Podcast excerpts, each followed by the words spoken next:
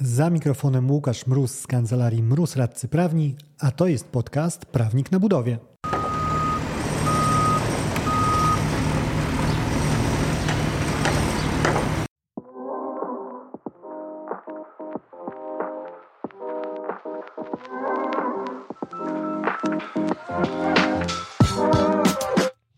O, wywołałem rozmówcę z lasu.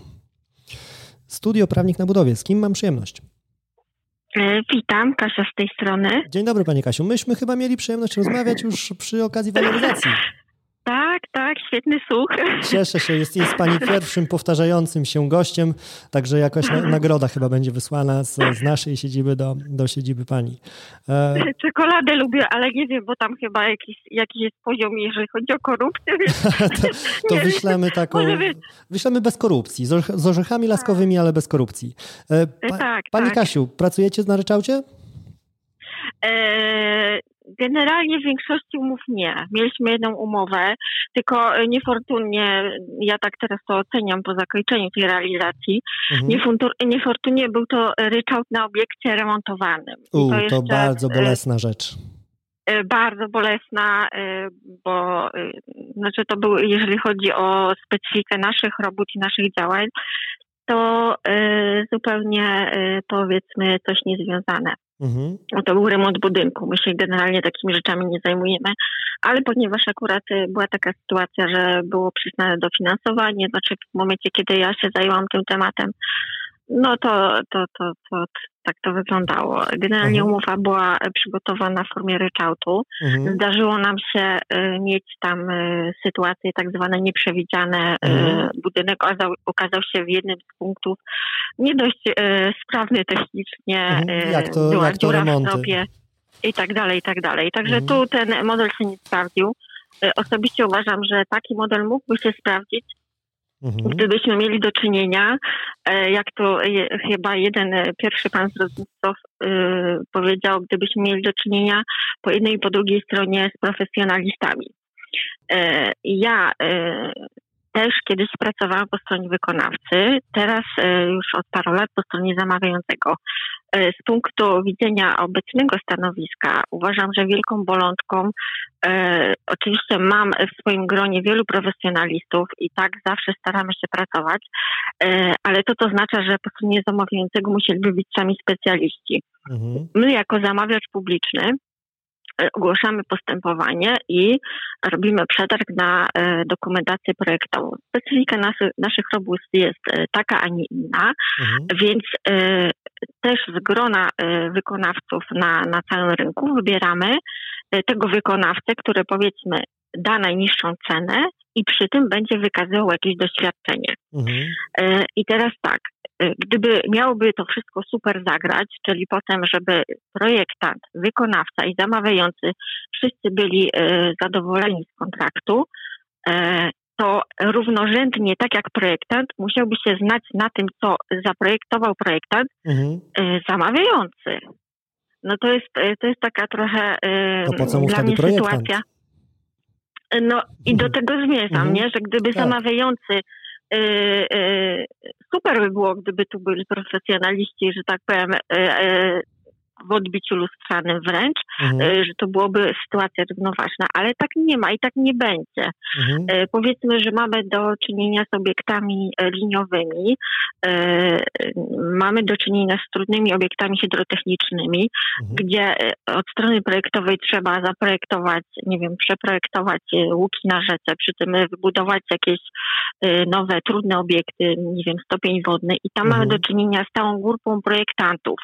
I tożsamą grupą grupę musielibyśmy mieć po stronie zamawiającego, żeby mhm. zamawiający profesjonalnie ocenił produkt, który dał tak, mu projektant. Ja zupełnie jakby Sytuacja... bez, bez ironii i mm. bez takiej wredności zadałem to pytanie, że po co w takim mhm. razie byłby zamawiającemu projektant, bo ja to jakby dostrzegam w pełni i się z tym zgadzam. Mowa jest Ale to samo, to mhm. samo mi, przepraszam, że przerwę, przyświeca e, to, że no po co nawet projektanci? Mhm, no, jeżeli mamy własne kompetencje. Oczywiście. Bo ja też, też nie można, według mnie nie można na tym, na ten wątek pozostawiać, pozostawiać ślepym, że ja jako zamawiający jednak po coś ten projekt kupuję, po coś kupuję tą usługę. Więc mhm. E, wykonawca mówi, że no dobrze, ja mogę działać w zaufaniu do projektu i tak dalej, i tak dalej. Więc dlaczego ja jako zamawiający nie mogę działać w tym zaufaniu? Dlaczego w perspektywie wykonawcy to jest argument trafny, a mój jako zamawiającego, jeżeli ja bym do niego sięgnął, to trafny już nie jest, bo ja muszę być też profesjonalistą. E, tym mhm. bardziej, że tak jak e, pani na przykład jest pracownikiem e, z takim backgroundem budowlanym, więc pani zamawiający ma takie osoby jak pani, które takie kompetencje mają, ale znowu wracajmy do tego, że rynek jest bardzo szeroki i chociażby małe JST nie zawsze będzie miało takiego człowieka. No nie. Pani Katarzyno, ja bym jeszcze o jedną rzecz zapytał, bo pani ma w ogóle jest Pani zamieszana powiedzmy w sprawy budżetowe? Bo często odnoszę wrażenie, że wykonawcy myślą troszkę o zamawiających tak, że oni mają jakiś tam, każdy z nich ma skarbiec, z którego te pieniądze może wyjąć, jeżeli trzeba dołożyć tam 5, 7, 10, 20% budżetu i może je wyjąć, tylko po prostu nie chce. E, mm. Zajmuje się Pani jakby finansami od strony finansowej, zna Pani temat, żeby powiedzieć tak, troszkę tutaj, tak. wyjaśnić tak. wykonawcom, jak to wygląda ze strony zamawiającego i dlaczego to nie jest wcale tak, że on, ten zamawiający jest wredny i nie chce podsypać, a może w każdym momencie po prostu luźno rzucić, bo ma pieniądze. E, na ten moment proszę sobie wyobrazić, że my właściwie zamawiamy pieniądze. E, oczywiście, znaczy zamawiamy w, w tym kontekście, że my planujemy je e, na lata.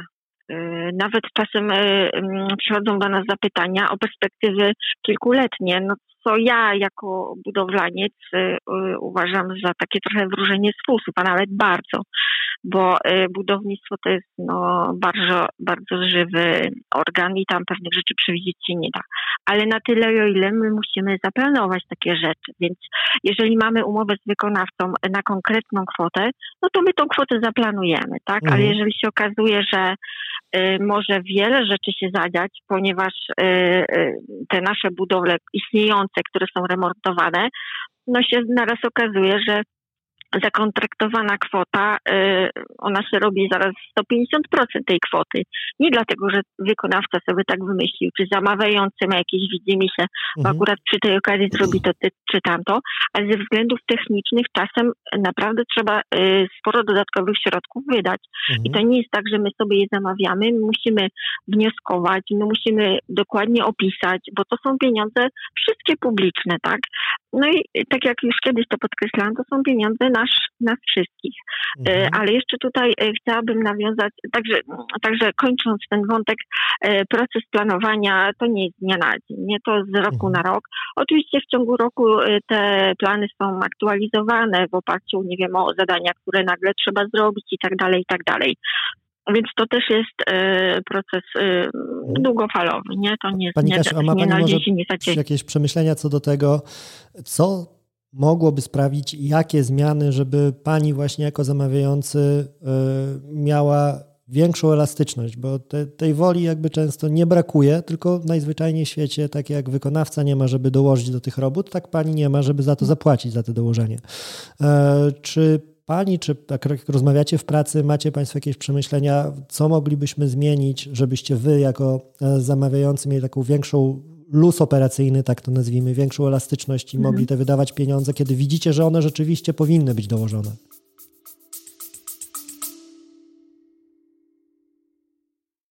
Wracam na trasę szkoleniową. Z Akademią Kontraktów Budowlanych, czyli swoim autorskim szkoleniem, odwiedzę cztery miasta. 23 lutego Katowice, 13 marca Poznań, 19 kwietnia Warszawa i 10 maja Gdańsk.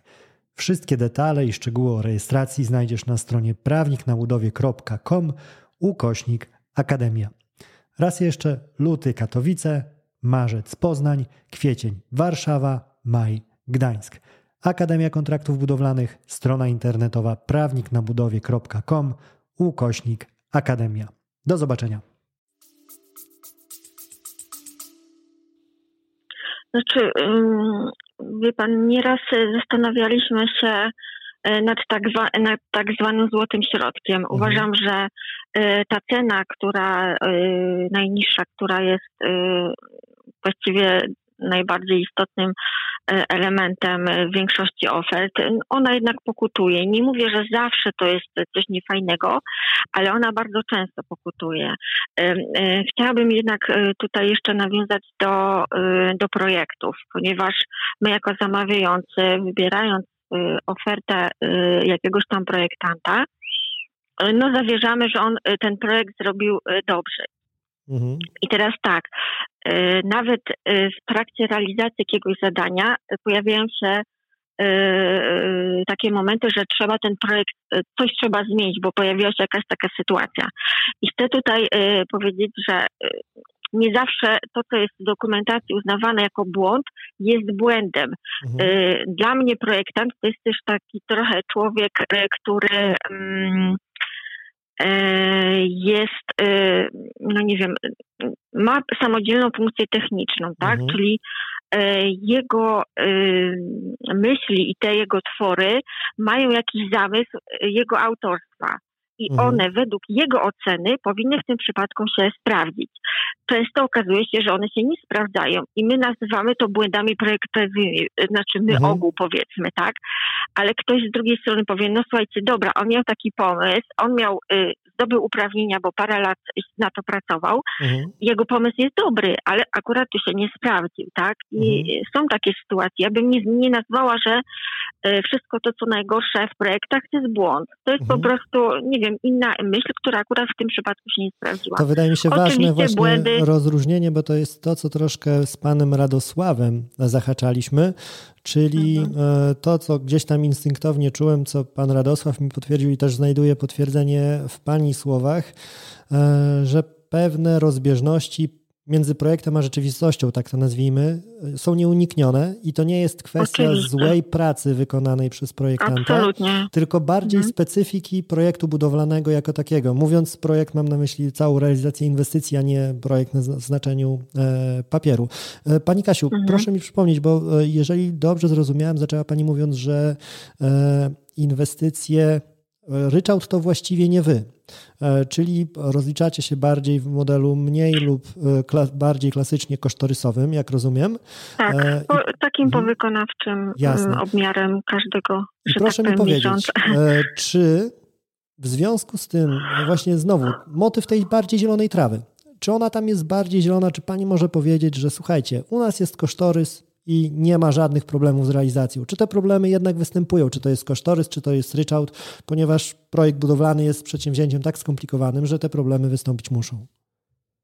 Yy, powiedziałem, że no nie wiem, czy się czy trochę nie przestrzelę, być może to jest moje subiektywne odczucie, ale 80, może 90% przypadków to jednak jest, są zmiany. Niektóre są e, powiedzmy drobne, mhm. y, drobne, nie wiem, w kontekście kwot, y, potem pa, patrząc globalnie na, na zadanie, a niektóre są tak zwane grube, nie? Mhm. No i to, to z różnych tam powodów wynika, ale nie wiem, ja nie kojarzę, ale nie mogę powiedzieć, że to jest y, na 100% taka prawidłowość, bo y, nie wszystkie ja zadania prowadzę. Jest naprawdę y, wiele osób, które prowadzą różne zadania, ale w większości zadań tak, jest dużo zmian, jest dużo robót, które trzeba zrobić dodatkowo, bo nawet mhm E, czy też większe ilości, tak? Bo dodatkowo to jedna rzecz, a większa ilość tych robót, które już były zawarte w dokumentacji. Tylko tutaj właściwie problemem jest nie sam, nawet to, do czego piję, to nie jest sam fakt występowania problemów, bo to tak jak rozmawialiśmy, mhm. one wystąpią. To jest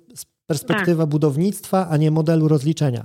E, tylko mhm. czy w Pani odczuciu rozwiązywanie tych problemów, kiedy już wystąpią, będzie łatwiejsze w tym kosztorysowym, bo to, że są tu i tu, mamy uchwycone. Czy łatwiej je mhm. rozwiązać tym w modelu kosztorysowym versus w modelu ryczałtowym w Pani odczuciu, czy nie ma tutaj może żadnej różnicy za bardzo? Znaczy w moim odczuciu w, naszych, w, naszej, w naszym obszarze działalności to na pewno kosztorysowy model bardziej się sprawdza, mhm. bo on potem y, ułatwia, y, nawet kiedy roboty są podobne, wycenianie tych prac, więc y, tak ja uważam. Nie? No ryczałt, mhm. nie wiem, jakby sobie tu tam albo odwróćmy, że nie wiem, budujemy jakiś budynek y, i tam rozliczamy się kosztorysowo. Proszę sobie wyobrazić, że nie wiem, każdą uszczelkę liczymy osobno, czy, mhm. czy nie wiem, no to... Miłej no to zabawy na protokole odbioru. to właśnie jakaś abstrakcja, nie? Więc mhm. to chyba należy za każdym razem e, poddać jakiejś rozwadze, dyskusji, nie wiem. E, wielką wagę należy przyłożyć do tego, że ktoś wspomniał, e, chyba jedna z pani napisała, że czas czas, naprawdę czas. Yy, okazuje się, że nagle pada hasło, słuchajcie, jest taka perspektywa, wystartujmy, mhm. może co mamy, jakieś zadania w zanadrzu, które nie wiem, dziś się tworzyła dokumentacja, czy mamy gotową, startujemy w zadaniu.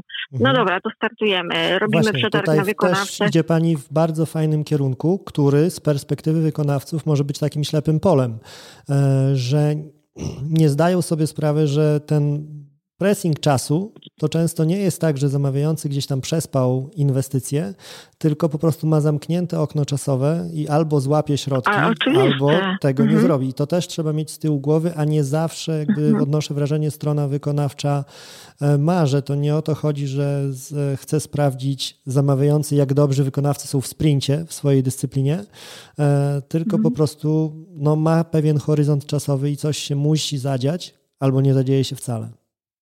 No dokładnie, no, wszystko wymaga czasu. Y, my akurat, y, no nie wiem, ja w swoim tam dziale mamy dosyć y, właśnie takie trudne i ja to nazywam, że to są prędkie na wczoraj tematy. Bardzo często, naprawdę bardzo często. I wymaga się wtedy od nas, znaczy sytuacja od nas tego wymaga, żebyśmy byli po pierwsze interdyscyplinarni, sprężeni, gotowi i mhm. w blokach tak startowych powiem, cały dzień. Tak, yy, także no to, to nie jest łatwe, nie? nie yy, fajne jest to, że mam do czynienia ja osobiście z takimi wykonawcami, akurat na ten moment, którzy mają w sobie wiele, wiele zrozumienia, tak? I, mhm. i potrafią jakoś tam, nie wiem, yy, prze, przeczekać pewne sytuacje, yy, bo kiedy im coś mówimy, że tak będzie, to zazwyczaj się tak, tak dzieje, bo mamy już na tyle taką wiedzę, że taki proces wymaga tylu i tylu czasu, ale ale on jest do zrobienia, do przejścia i tyle. Nie? Także mhm. to y, jeszcze jedną rzecz y, mhm, tutaj proszę. chciałabym powiedzieć, jeżeli chodzi o przygotowywanie samych y, przetargów.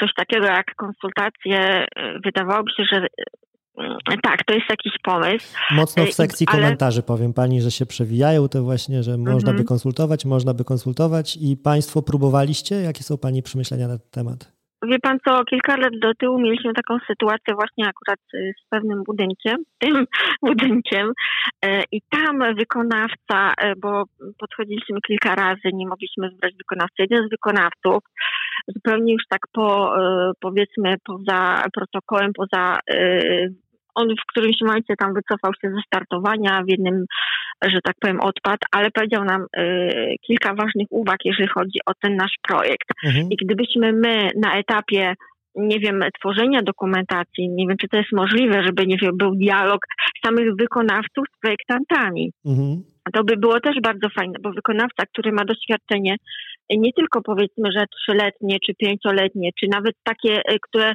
projektantowi pozwala zdać egzamin na uprawnienia yy, i, i potem tymi uprawnieniami się podpisywać pod projektem, yy, to przy starciu z tym wykonawcą, który ma naprawdę duże doświadczenie, mogliby byli tą wiedzą się, yy, tak powiem, podzielić, posiłkować i dojść do jakiegoś konsensusu, które potem tworzy nam coś fajnego. Nie? Mhm. Ja pamiętam, jak zaczynałam pracować, E, mój kierownik wtedy powiedział, mając do czynienia właśnie z różnymi dokumentacjami, żeby każdy projektant spędził na budowie przynajmniej 5 lat, zanim weźmie się za rysowanie. Jasne. Ja cytuję jego słowa, ale y, powiem szczerze, że czasami się naprawdę mhm. ciśnie, że właśnie no, chyba ten projektant za mało czasu na budowie mhm. spędził, bo y, naprawdę y, pewnych rzeczy, wielu rzeczy nie przewidział.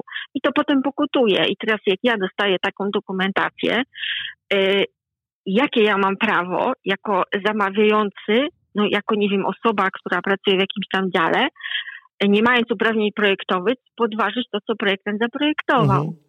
Jasne. Ja mogę mu zadać pytanie, że mam taką wątpliwość i tak dalej. On mi powie, no wie pani, ja tak zaprojektowałam, uważam, że tak jest dobrze. Jak pani to nie odpowiada, no trudno, przyjmujecie yy, czy nie, tak? Bo mhm. podpisaliście ze mną umowę, ja wam dałem jakiś produkt i no proszę, teraz jest na to moment, nie? Czyli też przyda jest się też... nam wszystkim interdyscyplinarności trochę. Pani Kasiu, Wielkie tak, dzięki by za, idealne za rozwiązanie, ale...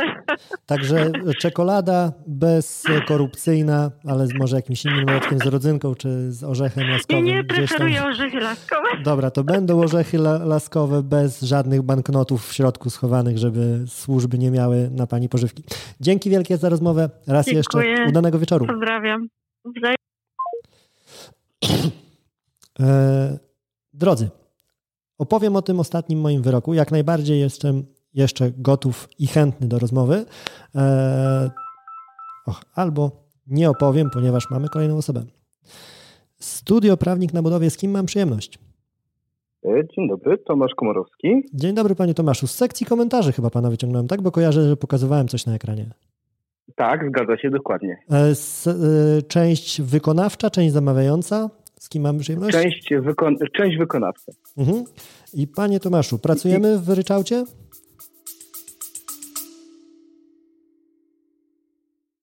Jeżeli podoba Ci się odcinek, którego słuchasz, mam ogromną prośbę. Wspomnij komuś z branży budowlanej o tym podcaście. Razem dotrzemy do większej liczby osób z branży. Z góry dzięki. Pracowaliśmy w ryczałcie, obecnie pracuję w e, przedmiarze robót i chciałem się trochę odnieść do jakby całokształtu tej sytuacji, mhm. o która tutaj była opisywana między innymi przed, e, przed panią wcześniej. Aha. Kwestia jest też taka, że e, powiem szczerze, od niedawna, no, od około trzech lat pracuję na inwestycji realizowanej w oparciu o formułę FIDIC, mhm. e, Buduj. E, I e, dostrzegam e, tutaj w pracy z projektantami. Zdradzę no to jest oczywiście... jakaś infrastruktura pewnie, tak? Jeżeli FIDIC, tak, FIDIC u nas... Tak, mhm. tak, tak, tak, tak. Zdradzę może, że też jestem prawnikiem na budowie i mhm. pracuję głównie jako roszczeniowiec i człowiek, który zajmuje się rozliczaniem robót nieujętych w przedmiarze robót. Mhm. to jest taki, taki bardzo fajny wymyk na określenie robót dodatkowych, nie nazywając ich robotami dodatkowymi. Mhm. E, łatwiej I przychodzi? Jak się tak nomenklaturowo mówi? E, no, łatwiej, łatwiej przychodzi, jest na to subklauzula odpowiednia, jakby mhm. zamawiający przewidział. I właśnie dążę do tego przewidzenia.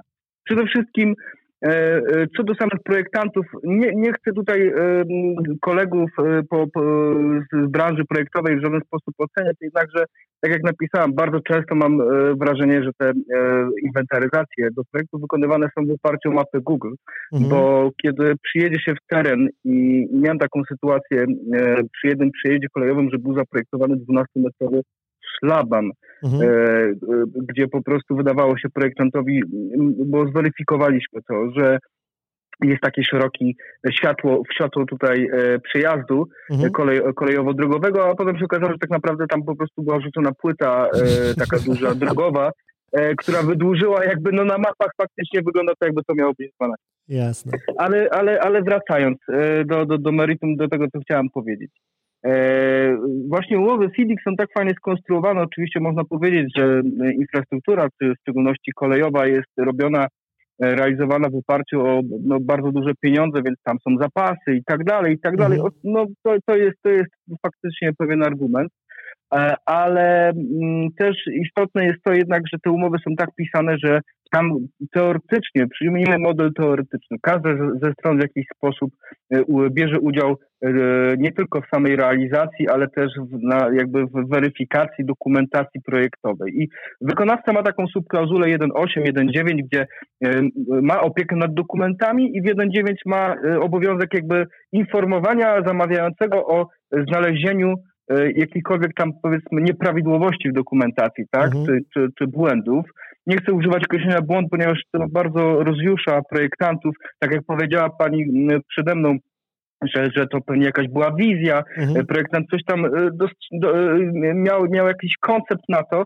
Jednak bardzo często, bo ja to jest moja 40 któraś już inwestycja i bardzo często dochodzi do tego właśnie, że projektant nigdy nie był w terenie i jakbym powiedział trochę złośliwie, że no, no wizja wizją, ale pierw trzeba byłoby wsiąść w pociąg i przyjechać zobaczyć chociaż jak, jak ten teren wygląda. Mhm. No i wracając do FIDIKA, do, do konstrukcji umowy przedmiarowej, e, jest ta możliwość do dołożenia do przedmiaru, tak, bo jest zabezpieczenie w umowie, e, jest obowiązek wykonawcy informowania o znalezionych błędach, więc wydaje mi się, że jakby jest to dobry taki założony z góry w kontrakcie plan naprawczy, Nie spotykałem tego nigdy do tej pory w umowach, nazwijmy to tak non-FIDIC, czyli zwykłych opisanych w oparciu o kodeks cywilny mhm. Czy, czy, czy, czy samo prawo zamówień publicznych. Jest to bardzo fajna formuła. I dążąc jakby tutaj do końca, zdaję sobie sprawę z tego, że, że zamawiający nie ma wiedzy doskonałej, nie wie wszystkiego na temat projektowanego zakresu, ale uważam, że e, w tych e, przetargach, e, jeżeli mamy zamawiającego publicznego, powinny jednak przepisy określać przede wszystkim, że w danej kwocie tego, tego wynagrodzenia dla projektanta powinna być ujęta powinny być ujęte i udokumentowane przez projektanta na etapie już realizacji danego zlecenia koszty związane z przeprowadzeniem inwentaryzacji w terenie, mhm. czyli że zapłacił za geodetę, który e, przeleciał nad terenem e, z dronem, że był ten geodeta w terenie, że był, e, był geotechnik i tak dalej, i tak dalej. Ponieważ mhm. bardzo często wygrywa cena, a, a, a, potem się okazuje, że projektant w sumie nie ma pieniędzy na to, żeby, czy biuro projektowe nie ma pieniędzy na to, żeby zapłacić odpowiednim um, usługodawcom czy podwykonawcom, którzy wykonają prawidłowe pomiary, operaty wydadzą i tak dalej, żeby można było w jednoznaczny sposób powiedzieć, że na przykład no, no nie ma tego błędu w tej dokumentacji, mhm. tak, że wykonawca dokon- zachował należytą staranność i zrobił wszystko, żeby ten projekt był jak najlepiej wykonany. Mhm, no Jasne, tutaj się... E, parę rzeczy też mi przychodzi do głowy, bo to, co często mówią projektanci i pewnie zaraz e, wywoła Pan tu w, w komentarzach to, tą opcję, jest według mnie troszkę tak, że e, projektant sprzedaje to, za co mu zapłacono. E, przychodzi mi do głowy taka głośna sprawa fajnego wyroku Sądu Najwyższego, e, gdzie bardzo taką autorską metodę obrony przyjął zamawiający, bo to była też inwestycja liniowa, zupełnie inny charakter niż pana, bo to była sieć kanalizacji, no ale też jakby ten mhm. wspólny punkt, że nie mamy kubatury, która jest w jednym miejscu i przy której e, wydaje mi się, że to ryzyko niedoszacowań ryczałtowych jest jednak zdecydowanie niższe niż przy inwestycjach liniowych e, i nawet przy jakiejś tam małej kanalizacji w gminie, mhm. oszczędzono. Tam akurat był problem z odwodnieniami. E, poszły cztery odwierty punktowe, i tłumaczył to później zamawiający tym, że to wręcz było działanie gospodarne. Bo jak on zrobił jakieś tam badanie rynku, ile by go kosztowała taka pełnoskalowa dokumentacja, takim nazwijmy to S-klasa, e, jeżeli chodzi mhm. o cały przebieg, i jakby on tam puścił tych geodetów i kogo tylko nie jeszcze na, na cały przebieg, żeby zrobili, e, w tym przypadku no, zbadali, jak tam odwodnienie powinno wyglądać, to by mu skonsumowało cały budżet na tą inwestycję tak naprawdę i zostałby z papierami bez możliwości robienia. I ten sam problem pojawia się często właśnie, jeżeli mówimy o kolei. No PKP PLK też często szafuje tym argumentem, bo e, mówi pan o Fidiku, tam są jakby te możliwości czasami powiedzmy przewidziane, bo też e, ci z Państwa, którzy nie, nie znają tematu, no są to niby pewne wzorcowe warunki, ale umówmy się, że pan Tomasz, e, jak zobaczy warunki szczegółowe, to się może okazać, że z Filika to tam okładki zostały, e, jak to zostanie przerobione. Zgadza się, oczywiście, oczywiście. Ja, mhm. ja powiem panu,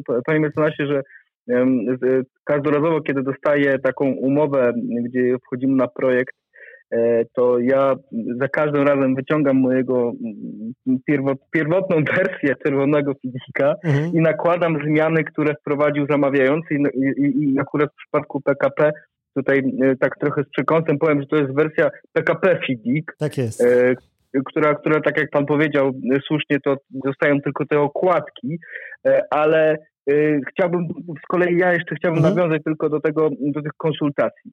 Wydaje mi się, że konsultacje e, powiedzmy w takim tradycyjnym modelu, w tradycyjnej umowie o roboty budowlane e, e, są zupełnie niepotrzebne. Potrzebne mhm. jest po prostu egzekwowanie przez zamawiającego swojego prawa do dochodzenia rękojmi od, od projektanta. Projektant mhm. jest profesjonalistą, który się ma na wszystkim znać.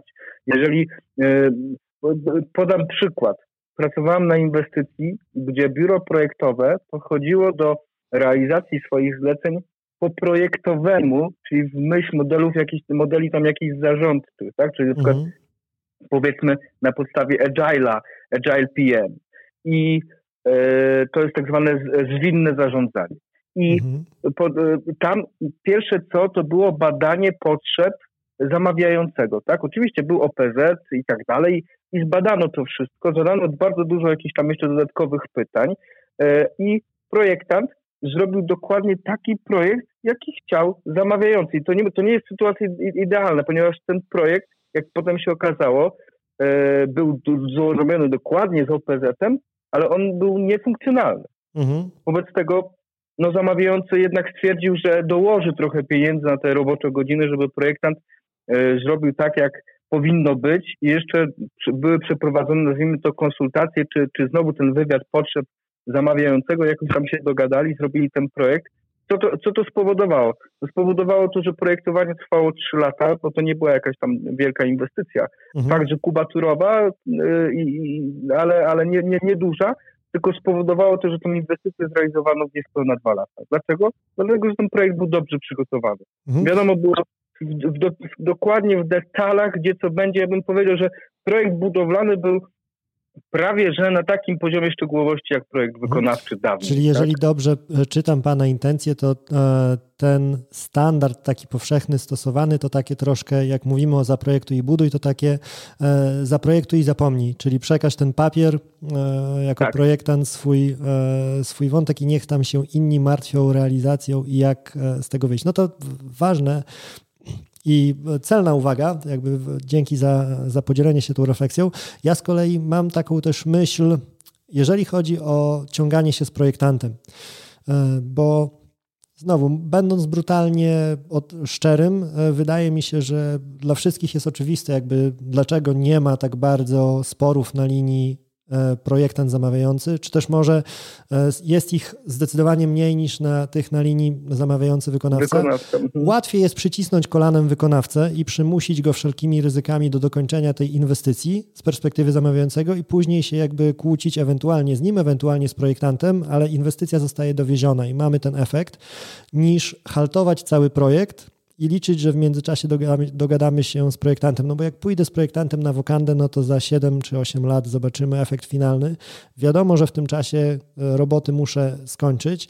E, także tutaj tak brutalna rzeczywistość wydaje mi się będzie dalej prowadziła do tego, że jeżeli chodzi o oś sporów, to ta mhm. oś będzie przebiegała na linii e, zamawiający, wykonawca i mogę postawić dobre pieniądze, że jeżeli w, w, przypadku tych inwestycji, gdzie pan był zaangażowany, wychodziły problemy, a wiadomo, liniówka, te problemy będą wychodziły przy, skali, przy takiej skali inwestycji, to też to były problemy, e, w które zaangażowane były rozmowy wykonawcy i zamawiającego, a nie za bardzo jednak zamawiającego i projektanta.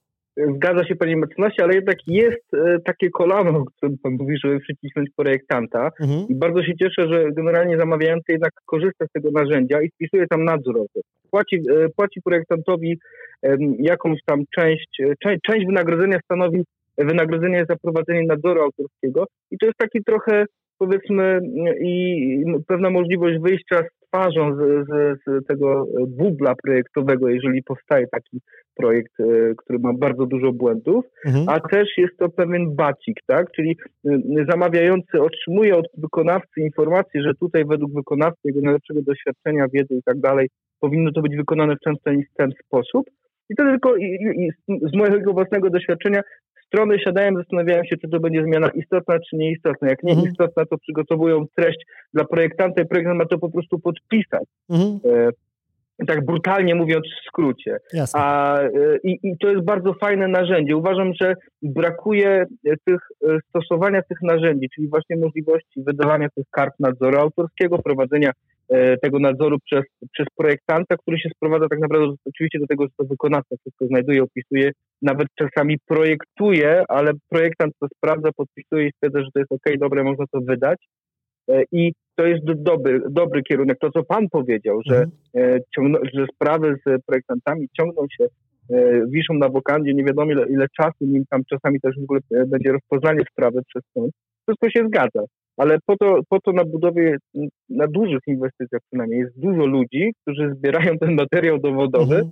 żeby później na przykład pomóc e, zamawiającemu i dostarczyć odpowiednią ilość tak zwanego kwitu na projektanta. Żeby ja myślę, miał z czego strzelać. Żeby miał z czego strzelać. I na zakończenie, bo będę musiał niestety już kończyć, mhm.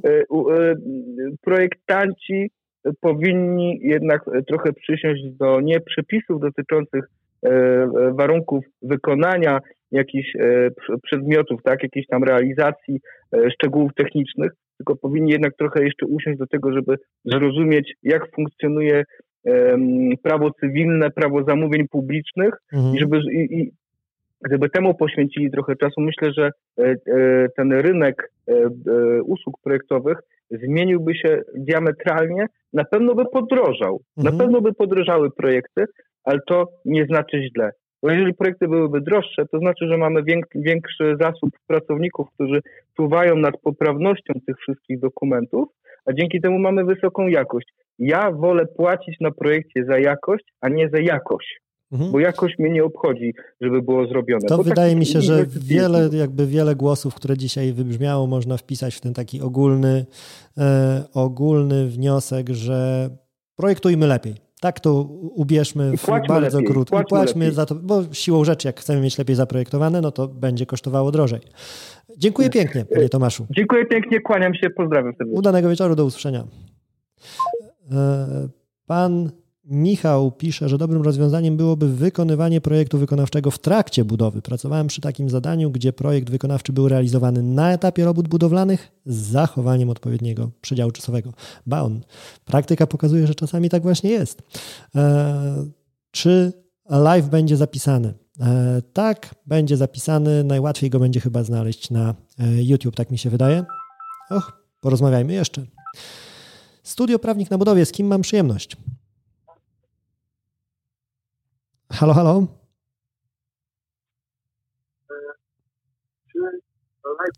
Strasznie słabo pana słyszę. Gdyby mógł pan złapać może jakieś okno, jakiś zasięg, by, byłoby lepiej. Przepraszam, ale wydaje mi się, że niestety nie uda nam się porozmawiać. E, drodzy, e, dajcie mi e, sekundę. Opowiem o ostatnim wyroku dla osób, które muszą dzieci już położyć spać i jeżeli będzie jakaś wola, żeby jeszcze porozmawiać, jestem otwarty, ale teraz e, chwila dla mnie, żeby opowiedzieć o tym e, ostatnim orzeczeniu, które przygotowałem. Przepraszam, odrzuciłem kogoś, ale tak jak mówię, chciałbym opowiedzieć ten ostatni wątek i będziemy e, rozmawiali wtedy. Wątek z Białego Stoku na koniec. O cóż poszło? O inwestycje w postaci e, budowy i rozbudowy e, drogi wojewódzkiej. I poszło taki gruntowny spór o grunt, bo okazało się, że był przewidziany jako e, tylko i wyłącznie wzmocnienie, a potrzebna była wymiana. I było tutaj no, mnóstwo tych typowych klauzul, czyli co jest w ryzyku ryczałtu i co bierze na siebie wykonawca i one były rozpisane bardzo szeroko. I tutaj oddam głos sądowi, e, żebyście łapali w pełni kontekst, e, cóż tam było. Wykonawca Przygotowując ofertę i kalkulując, kalkulując cenę, powinien dokonać oględzin terenu i jego okolicy oraz uzyskać wszelkie niezbędne informacje co do ryzyka, trudności i wszelkich innych okoliczności, jakie mogą wystąpić w trakcie realizacji zamówienia. Cena ryczałtowa oferty powinna obejmować pełny zakres robót i uwzględniać powyższe okoliczności. Wykonawca przed przystąpieniem do wyceny miał obowiązek sprawdzenia zgodności rzeczywistych rzędnych, nawierzchni jezdni, chodników terenu oraz innych danych, w tym badań niezbędnych do realizacji umowy, z tym, które określono w dokumentacji projektowej. W przypadku stwierdzenia istotnych różnic należało to uwzględnić w cenie ofertowej. Wykonawca powinien też zgłosić w trakcie postępowania przetargowego wszelkie zauważone błędy, omyłki i rozbieżności w dokumentacji projektowej i wystąpić do e, zamawiającego wyjaśnienie. Dochodzenie roszczeń z tytułu niezgodności pomiędzy stanem rzeczywistym a opisanym w powyższych dokumentach nie będzie możliwe.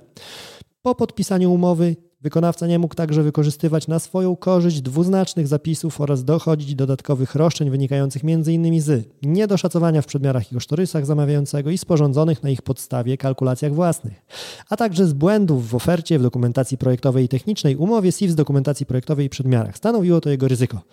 Uff, ten cały przydługi fragment to jest po prostu wyciągnięte z SIFZ-u i z umowy taka wyliczanka, gdzie ja jako zamawiający wrzucam na ciebie ryzyko. I tak jak mówiłem, problem wynika z tego, że ustalono, że na pewnych fragmentach znajduje się grunt nośny, a nie organiczny. Okazało się, że ustalono inaczej. No i zamawiający mówi: OK, no to nawet jeżeli bardzo jednoznacznie mam tu napisane, jak bardzo to wszystko przyjmuje na siebie wykonawca. No bo trzeba, przepraszam, oddać, że rzeczywiście ktoś tam popracował długo na papierze i rozpisał to wszystko tak bardzo szeroko, że no nie ma igły gdzie wcisnąć, jeżeli chodzi o ten pancerz. Ale bardzo ciekawą robotę zrobił tu sąd, gdyż sąd stwierdził tak, niezasadnie wskazano w apelacji, bo wykonawca wyszedł na plus, czyli dostał roboty, dostał wynagrodzenie za roboty dodatkowe, które w jego ocenie polegały na tym, że wymienił grunt tam, gdzie miał go tylko wzmocnić i za to dostał pieniądze. Niezasadnie też wskazano w apelacji, że wykonawca wziął na siebie w umowie całe ryzyko związane z wadliwościami opracowań projektowych dostarczonych przez zamawiającego. I można się tu zdziwić, no bo przecież przed chwilą zacytowałem Wam bardzo obszerny fragment, w którym bardzo wprost napisano, jak bardzo jednak przejął. I jak do tego wniosku sąd doszedł? Ano doszedł tak, oddając mu znowu głos. Tak sformułowane klauzule umowne, które nie mogły być odczytywane w oderwaniu od przywołanych postanowień SIFS, stanowiących integralną część kontraktu, podlegały interpretacji w oparciu o metodę kombinowaną. Dla nieprawników, skracając, jak nie, zgadza, nie, zgadzamy się co do tego, co jest napisane w tekście, ja twierdzę, że tam jest A, ty twierdzisz, że tam jest B, to patrzymy, jak tam obiektywnie osoba, która to czyta, by stwierdziła, cóż tam jest. Skoro materiał procesowy nie pozwolił ustalić, czy strony tak samo rozumiały treść umowy, trzeba było przejść do fazy obiektywnej wykładni. Za miarodajne na tym etapie trzeba uznać znaczenie, które przyjęłaby osoba dokonująca z należytą starannością zabiegów interpretacyjnych zmierzających do odtworzenia treści myślowych podmiotu składającego oświadczenie woli. Brzmi bardzo mądrze, ale chodzi po prostu o to, jak taki wykonawca rozsądny, racjonalny, który by to czytał, co by z tego wyciągnął, czy odbiorca takiego tekstu, czyli rozsądny człowiek, cóż by tam zobaczył. I co według sądu zobaczyłby tam taki rozsądny człowiek? Pozwalało to na ustalenie, na ustalenie, że umowne wynagrodzenie ryczałtowe nie obejmowało wszelkich istniejących ryzyk związanych z wykonaniem inwestycji. I tutaj podkreślę, ich określenie na etapie zawierania zobowiązania jest bowiem obiektywnie niewykonalne. Głos rozsądku, prawda? Lecz tylko takich ryzyk, które były możliwe do dostrzeżenia przez wykonawcę działającego z należytą starannością w granicach jego możliwości i po przeprowadzonej analizie dokumentacji kontraktowej i terenu budowy. Przyjęcie przeciwnego założenia prowadziłoby do nieakceptowalnych z punktu widzenia racjonalnego odbiorcy oświadczenia woli wyników. Jak bowiem słusznie wskazuje się w orzecznictwie, choć pewne błędy opracowań przygotowanych przez zamawiającego wykonawca powinien dostrzec na etapie przedkontraktowym albo po przystąpieniu do wykonania umowy w miarę postępu prac, to jednak obowiązek ten nie może być rozciągnięty na wszystkie wady takiej dokumentacji. Czyli to, co mówi sąd, co jest bardzo ważne, rozsądnie, może inaczej, nie mogę przyjąć, że obiektywnie ta umowa oznacza, że wszystkie ryzyka bierze na siebie wykonawca, bo żaden rozsądny człowiek nie podpisałby takiej umowy. Fajnie, co nie? Ale idzie nawet sąd krok dalej, bo wskazuje, że jedynie na marginesie należy dodać, że gdyby omówione wyżej postanowienia umowne wyłącznie na wykonawcę przenosiły wszelkie ryzyka, w tym związane z wadliwościami projektu, to uchybiałoby to zasadzie swobody kontraktowania byłyby sprzeczne z zasadami współżycia społecznego z uwagi na naruszenie równej pozycji stron zobowiązania. To zaś, jak słusznie wskazał Sąd Okręgowy, czyniłoby je nieważnymi, a umowa nie wiązałaby w omawianym zakresie.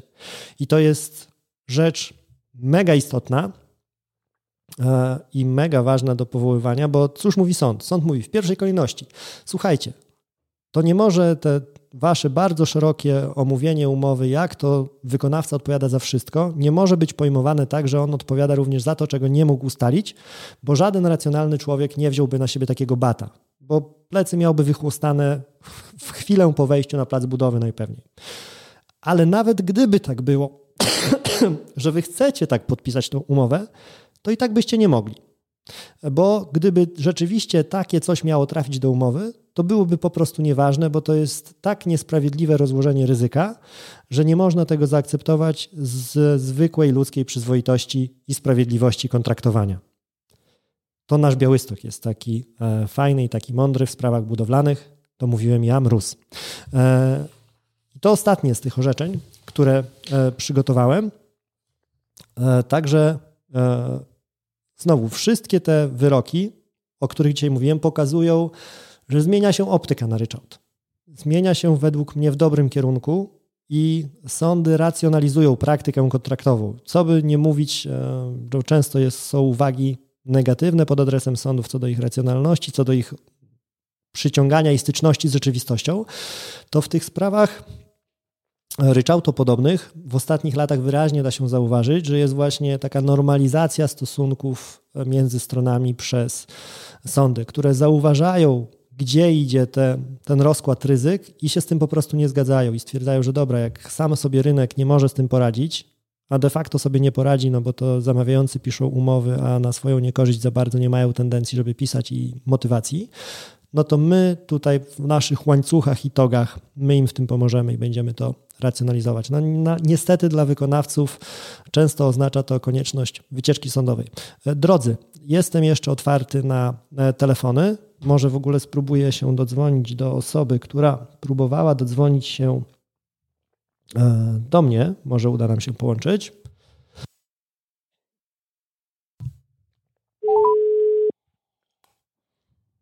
Hej. Dzień dobry. Prawnik na budowie. Dzwoniła pani, e, próbowała się połączyć. Ja już mogę. Czy pani może? Tak, nie, nie pani, tylko Gosia będzie. Ach, Hej. Czyli zamawiającego. No to znowu ja, tak, tak, to znowu ja. E, wiesz, też tak e, przysłuchiwałam się rozmowom o tym, żeby tak trochę, e, trochę wymagać od tych projektantów. Ja bym chciała, czy jeżeli pozwolicie zabrać głos, możemy, możemy pośmiać się trochę z samych siebie, a mhm. na przykład możemy pośmiać się ze mnie. Ja bym na przykład dzisiaj chciała przytoczyć sytuację. Przygotowuję przetarg, to jest inwestycja kubatorowa dostałam dokumentację od projektanta, który ma nadzór autorski, wszystko, pracę, wszystko ładnie i wszystko fajnie, tak? E, oczywiście ryczałt, zamówienie dofinansowane, bo jakby inaczej, no nie? I tutaj czytam tę dokumentację, mówię, to inwestycja kubatorowa, nie?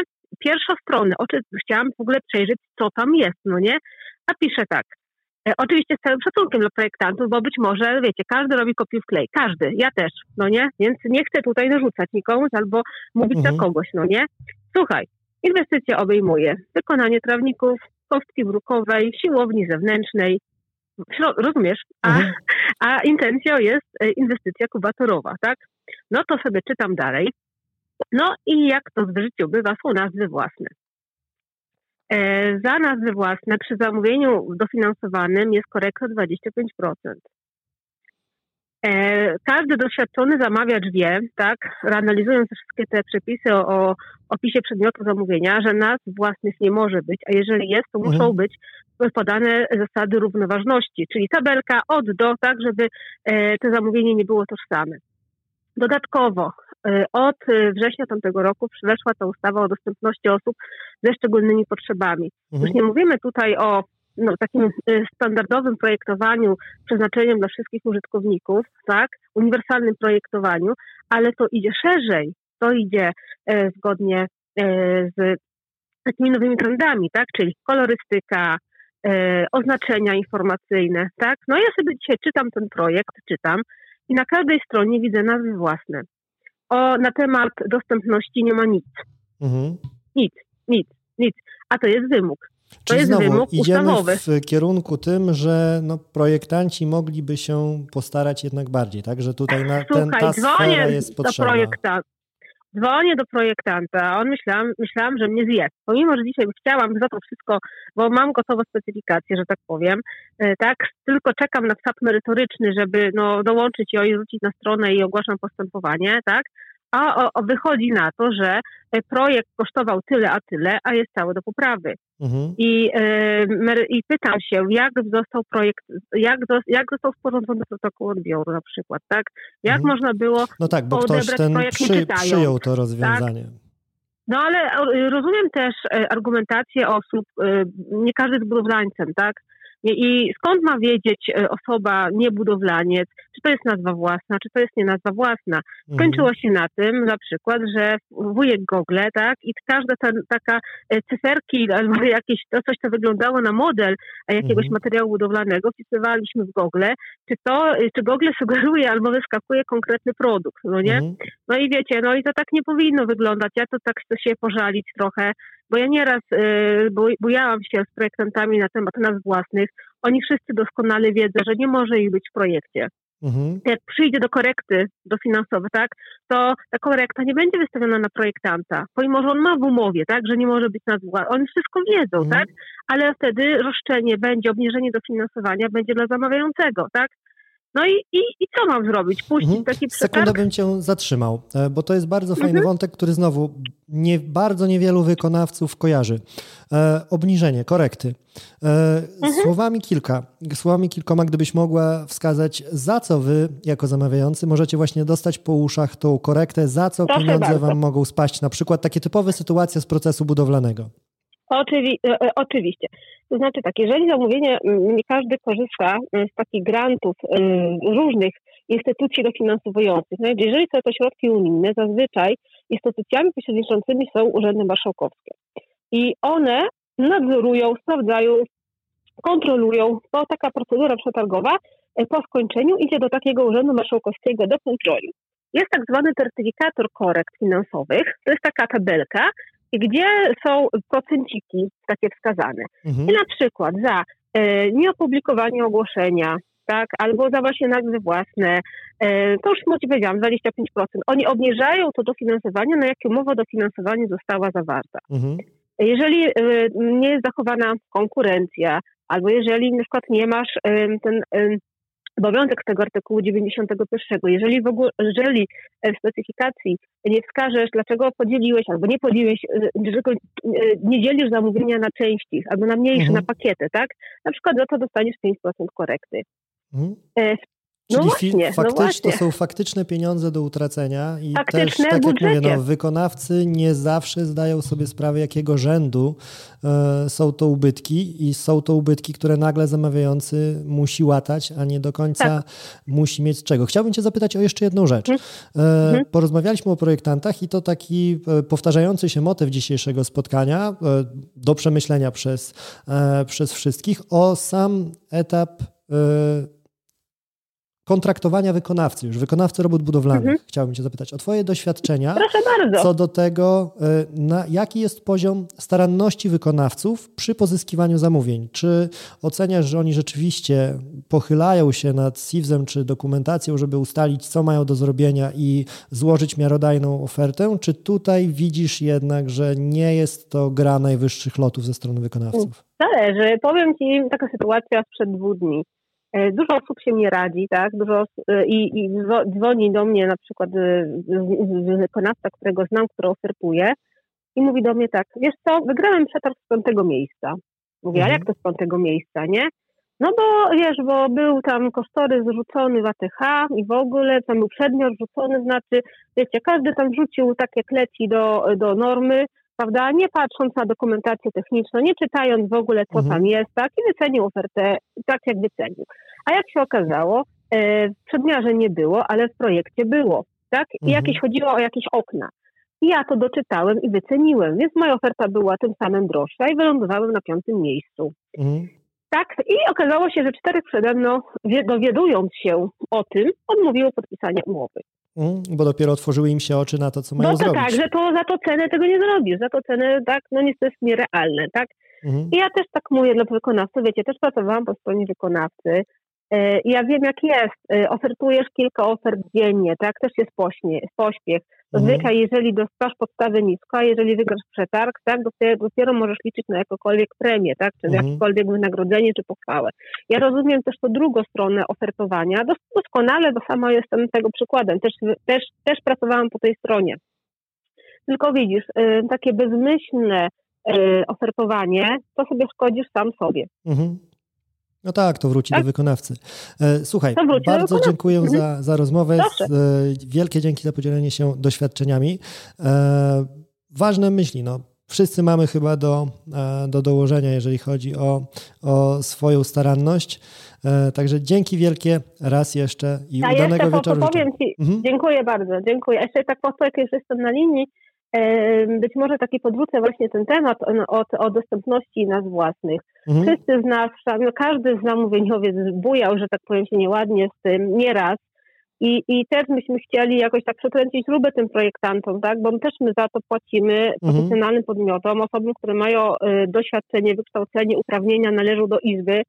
I jak y, mówię nieraz projektantom, no nie, ale proszę pana, to są nazwy własne, no pan to zmieni, to patrzą na mnie bykiem mhm. i w ogóle, że to, ale to nie ma uprawnienia, nie ja. To jak ja mogę zarzucać komuś, jak ja jestem laikiem, tak? Nie budowlańcem. On ma uprawnienia, a nie ja. To oby uprawnienia nie przeszkadzały no. we właściwym projektowaniu. Tak. Dzięki raz jeszcze. Pozdrawiam Dobrego wszystkim. wieczoru. Hej. E, pan Michał pisze, że weryfikacja nas własnych to koszmar, a w projektach elektrycznych to ciężki chleb. E, domyślać się tylko mogę, e, koszmar w jakim kontekście. Domyślam się, że żmudności pracy. Sam nie projektuję, także tak jak mówię, na domysłach bazuję. Pan, przepraszam, Aleksander pyta o możliwość udostępnienia sygnatur wyroków. Jest, zaraz podam po tym telefonie. Studio Prawnik na Budowie, słucham, z kim mam przyjemność? Dzień dobry, Mariusz Kubyczek z tej strony. Dzień dobry, mam prośbę, bo nie wiem, czy słyszę siebie w tle, czy kogoś innego, gdyby pan, jeżeli słucha pan transmisji, gdyby pan ją wyciszył, dobra? Żebym nie miał takiego pogłosu. Oczywiście, nie ma już problemu. Oczywiście, już. O, dziękuję pięknie. E, jeszcze raz, jakby pan powtórzył, z kim mam przyjemność? Mariusz Kubiczek. I panie, Ma, panie, panie Mariuszu, z której strony procesu inwestycyjnego pan dzwoni? Inżynier kontraktu. O, super. To jeszcze nie mieliśmy konsultanta e, profesjonalnego. E, cóż ciekawego konsultuje pan ostatnimi czasy? E, jestem inżynierem kontraktu na budowie drogi S5 w okolicach mhm. dla Generalnej Dyrekcji. Mhm. E, jasne. Przysłuchuję się tutaj tej Państwa dyskusji mhm. mecenasa Mroza. No, zresztą znamy się osobiście. Mhm. I, I, muszę przyznać, że no, jestem cały przerażony przysłuchując się. Mhm. A cóż Pana przeraża? A szczerze? Tak. Tylko szczerze. Niekompetencja organizatorów całego procesu budowy organizatorów czego? Przepraszam, bo troszkę pana urwało. Procesu budowlanego. Aha, jasne, czyli wszystkich zainteresowanych, tak? Znaczy może nie do końca wszystkich zainteresowanych, ale przynajmniej tych ostatnich, którzy dzwonili tutaj do, do studia i, i, i byli obecni. Mhm. Nie wiem, począwszy od pani Katarzyny, nie wiem, to chyba był, nie wiem, drugi czy trzeci od końca mhm. telefon. Cóż mogę powiedzieć, no masz, za, masz to, za co zapłaciłeś. Tyle bym powiedział. Mhm, bo tak, bo też chyba nie da się uciec od tej refleksji, tak jak o projektowaniu rozmawialiśmy, że ta jakość jest taka, jaką zlecono usługę. E, czy do tego wątku pan pije? No mniej więcej, mniej mhm. więcej. A jak, to, jakby więcej to rozwinąć, co pan ma na myśli? Eee, dokładnie to, co powiedziałem. Masz to, za co zapłaciłeś. Jeżeli ja zrobiłem jakieś tam warunki przetargowe i ogłosiłem jakąś specyfikację warunków, istotnych warunków zamówienia i wygrywa najtańszy projektant, mhm. to dokładnie na drugi dzień czy na trzeci dzień po podpisaniu umowy spotykasz się z tym, z czym masz. Te nazwy własne, te, te, te ryczałtowe określenia ilości robót, mhm. Proszę czekać. Wkrótce będziesz mógł kontynuować rozmowę. Obawiam się, że też. Please wait. Your call will be continued in a moment. Proszę czekać. Och, niestety urwało nam połączenie, a szkoda. E, jeżeli możemy porozmawiać dalej, to, e, to zapraszam jak najbardziej, bo tak jak mówiłem, no, e, inżyniera, rezydenta jeszcze dzisiaj na linii nie mieliśmy, więc ciekawie byłoby wymienić doświadczenia, szczególnie, że samo otwarcie było te, e, te interesujące. To ja w międzyczasie może, korzystając z okazji, e, te wyroki, które czytałem.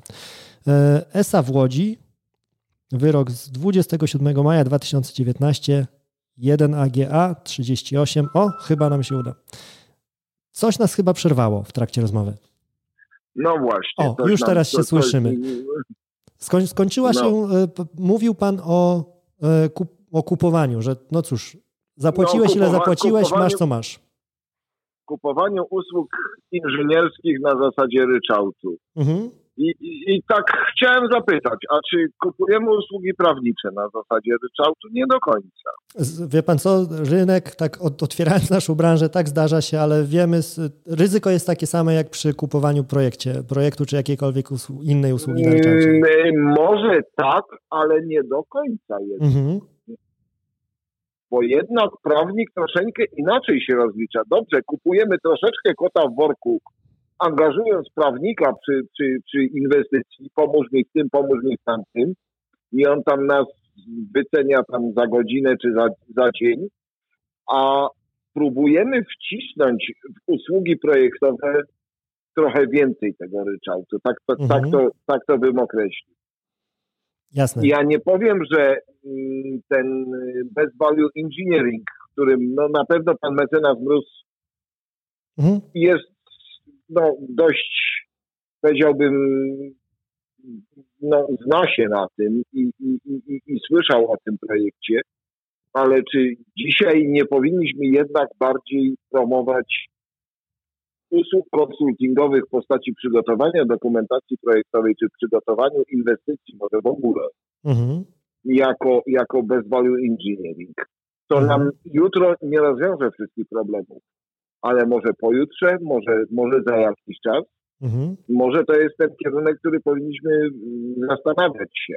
Czyli podsumowując, rozwiążmy sobie problemy przed w ogóle, nawet przed startem, e, zanim one będą miały szansę powstać i tam władujmy więcej pieniądza najzwyczajniej w świecie, żeby poszła za tym większa jakość, jeżeli dobrze czytam. Yy, no prawie, że. Mhm. Prawie, że. Dlaczego, dlaczego mówię prawie? Prawie może robi różnicę tam. Mhm.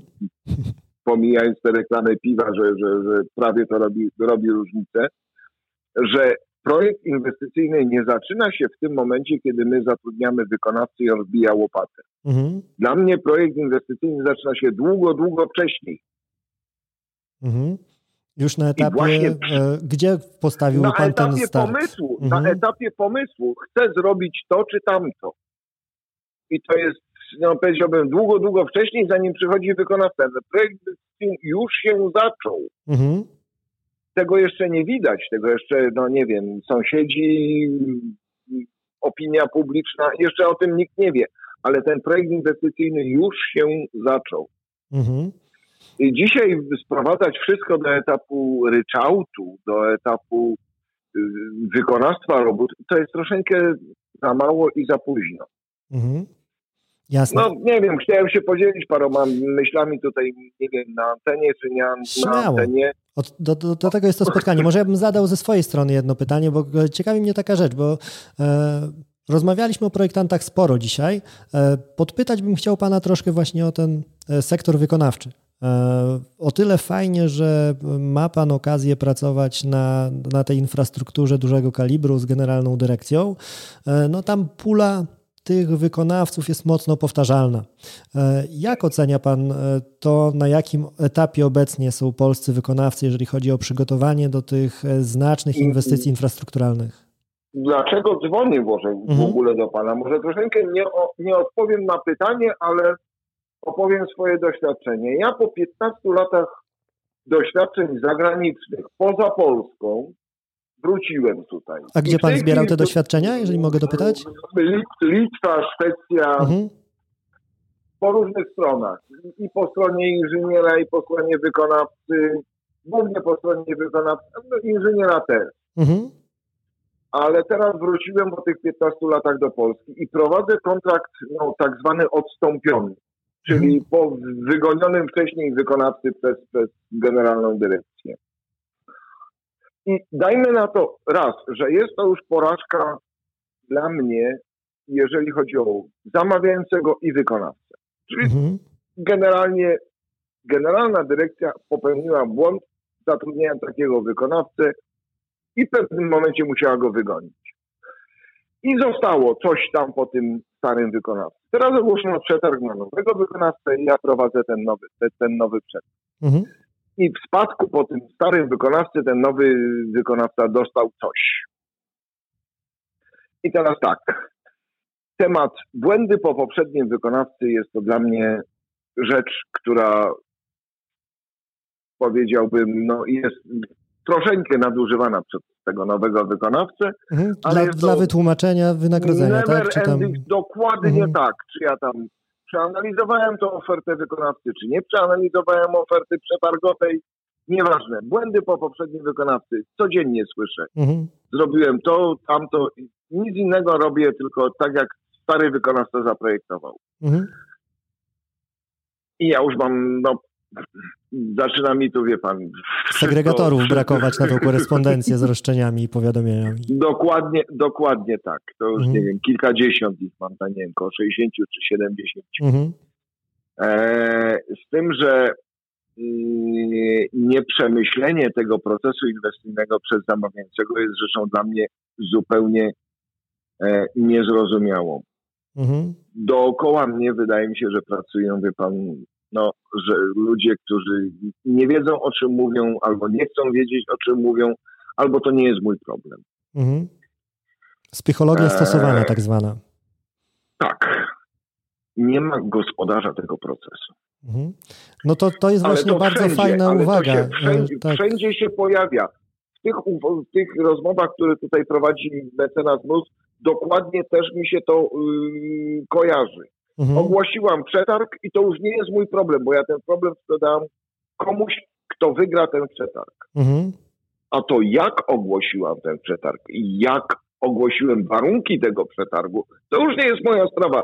Widziały gały, co brały, przepraszam za, za, za takie mhm. kolokwialne otwierdzenie, to już jest twój problem.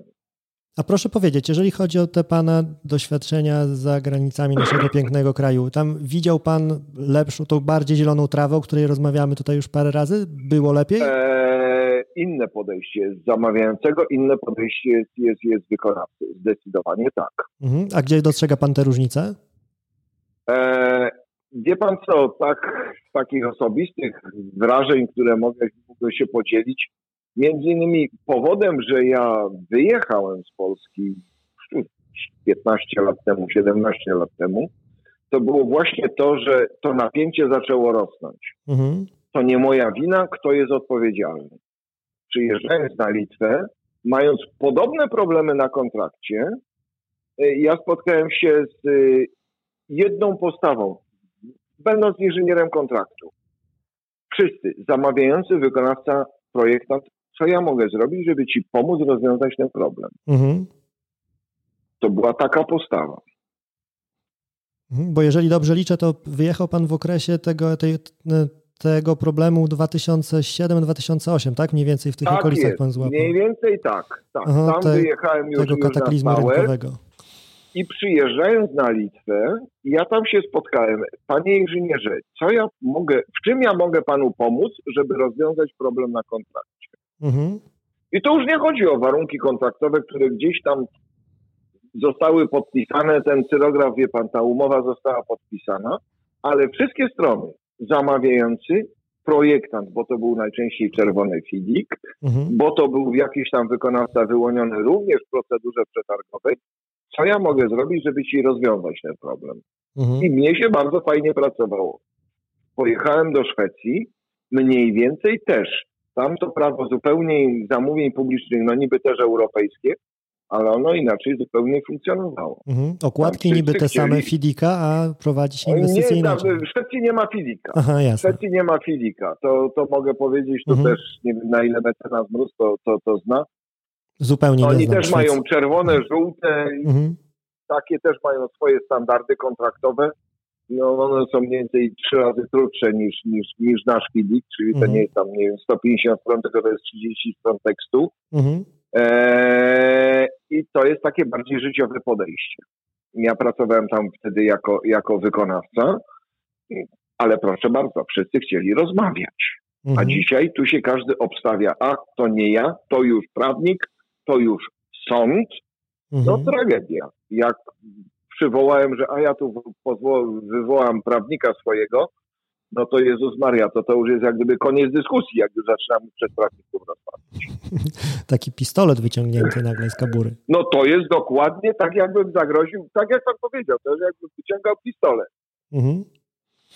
E, gdzie moglibyśmy pójść? Tak jakby zostawił Pan taką ogólną myśl rzucić do przemyślenia, że słuchajcie, zmieńmy tą rzecz, a będzie lepiej na, na początek zróbmy ten mały krok. Eee, zdecydowanie bez value engineering. Mhm. Zdecydowanie kupowanie usług inżynierskich nie na zasadzie ryczałtu, że ja ogłosiłem przetarg, zrób mi projekt na to czy na tamto, tylko pewien, pewien rodzaj współpracy. No i cóż, no, no i podniesienie kompetencji zamawiającego, ale na to ja już nie mam wpływu. Mhm. Jasne. Będziemy próbowali w każdym razie. Ech, poszedł komunikat, że drodzy, popracujmy nad tym. Dziękuję pięknie za telefon i pozostaje Dziękuję mi życzyć bardzo. spokojnego wieczoru. Dziękuję, kłaniam się, do widzenia. Do widzenia. Sygnatury, sygnatury, to co e, Państwa interesuje. Pierwszy wyrok ESA w Łodzi z 27 maja 2019, 1 AGA 38 na 18. To ten wyrok dotyczący zaprojektuj i buduj kolejowego. E, później e, SA w Warszawie 24 listopada 2021 5 ACA 473 na 21 to jest ten wyrok dotyczący błędnego przedmiaru. I na koniec mój Białystok to już było orzeczenie z 10 listopada 2020 roku, Sąd Apelacyjny w Białymstoku 1 AGA 133 na 19. E, cóż, nasze spotkanie przyznam, że przebiegło w kierunku, który nie bardzo antycypowałem, bo dużo bardzo mówiliśmy o e, projektantach i o roli projektowania w, w ryczałcie. Sądziłem szczerze mówiąc, że więcej będzie uwag na temat rozkładu ryzyka i jak ono powinno wyglądać, ale cóż, przegadaliśmy dwie godziny i jak widać, jeżeli ten wracał temat ciągle projektowania i projektowania i projektowania, no to domyślam się, że nie bez przyczyny i to taka e, myśl, z którą wszyscy możemy zostać, że warto pogrzebać w tym wątku, e, żeby było lepiej i było piękniej i lepiej się projektowało, lepiej się płaciło projektantom i to wpływało na e, prowadzenie inwestycji. Z tą myślą chyba się rozstaniemy, bo mamy już po 20 nawet. Moja żona pewnie dzieci zdążyła już położyć spać, także drodzy Państwo, dzięki wielkie tym wszystkim, którzy E, byli przez całe 2 godziny i 18 minut. E, tym, którzy byli w krótszym wymiarze e, również.